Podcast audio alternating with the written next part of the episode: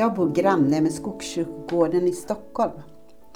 Så här i allhelgonatid är det väldigt speciellt och jag har kunnat följa utvecklingen hur det mer och mer har blivit en tid att minnas och uppmärksamma dem vi saknar. Det är familjer, unga, gamla som rör sig på Skogskyrkogården så här års för att komma ihåg människor som betytt något särskilt, som har gått vidare ut ur livet och in i Guds evighet. Ljusen brinner och det är en stillsam och samtidigt en gemenskapsbefrämjande känsla som en medvetenhet om livets gång, dess början och dess slut. Det är speciellt det där. Hur släkten följer släktens gång. Eller som Viktor Rydberg uttrycker det i dikten om tomten. Släkte följde på släkte snart, blomstrade, åldrades, gick men vart? Gåtan som icke låter gissa sig kom så åter. Tron är en trygghet. Att från innan födelse, genom livet och döden är vi burna. Kyrkans önskan, uppdrag och kallelse är att förmedla detta till kommande generationer, från släkte till släkte. Du är en del av en lång kedja av människor som är skapade och önskade, längtade av Gud. Livets ändlighet och dess evighet hör liksom samman. Det är inte minst påtagligt i vår tid när fönstret till att ställa om för hållbarhet blir allt mindre när det skulle behöva bli större. Många arter i vår ekologiska mångfald hotas och varje steg i kedjan som försvinner, som utrotas, skapar nya hot.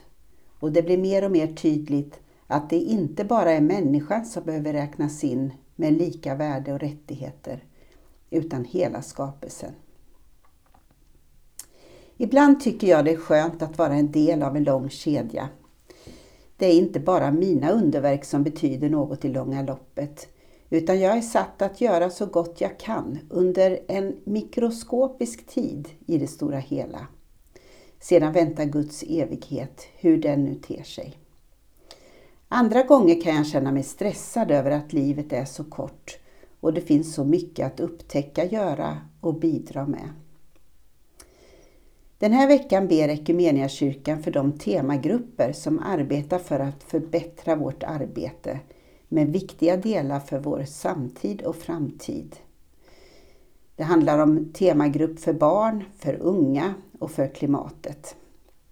Vi ska också be för vår samverkan och ledarutbildning i Egypten och som vanligt för vår skapelse.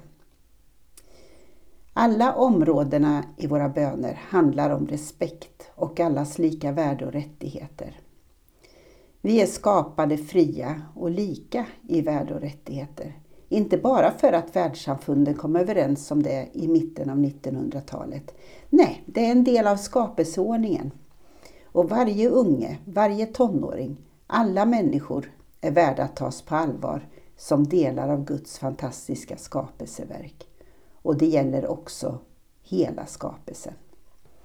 Så låt oss be. Treenige Gud, vi kommer till dig med våra böner för varandra, för vår värld.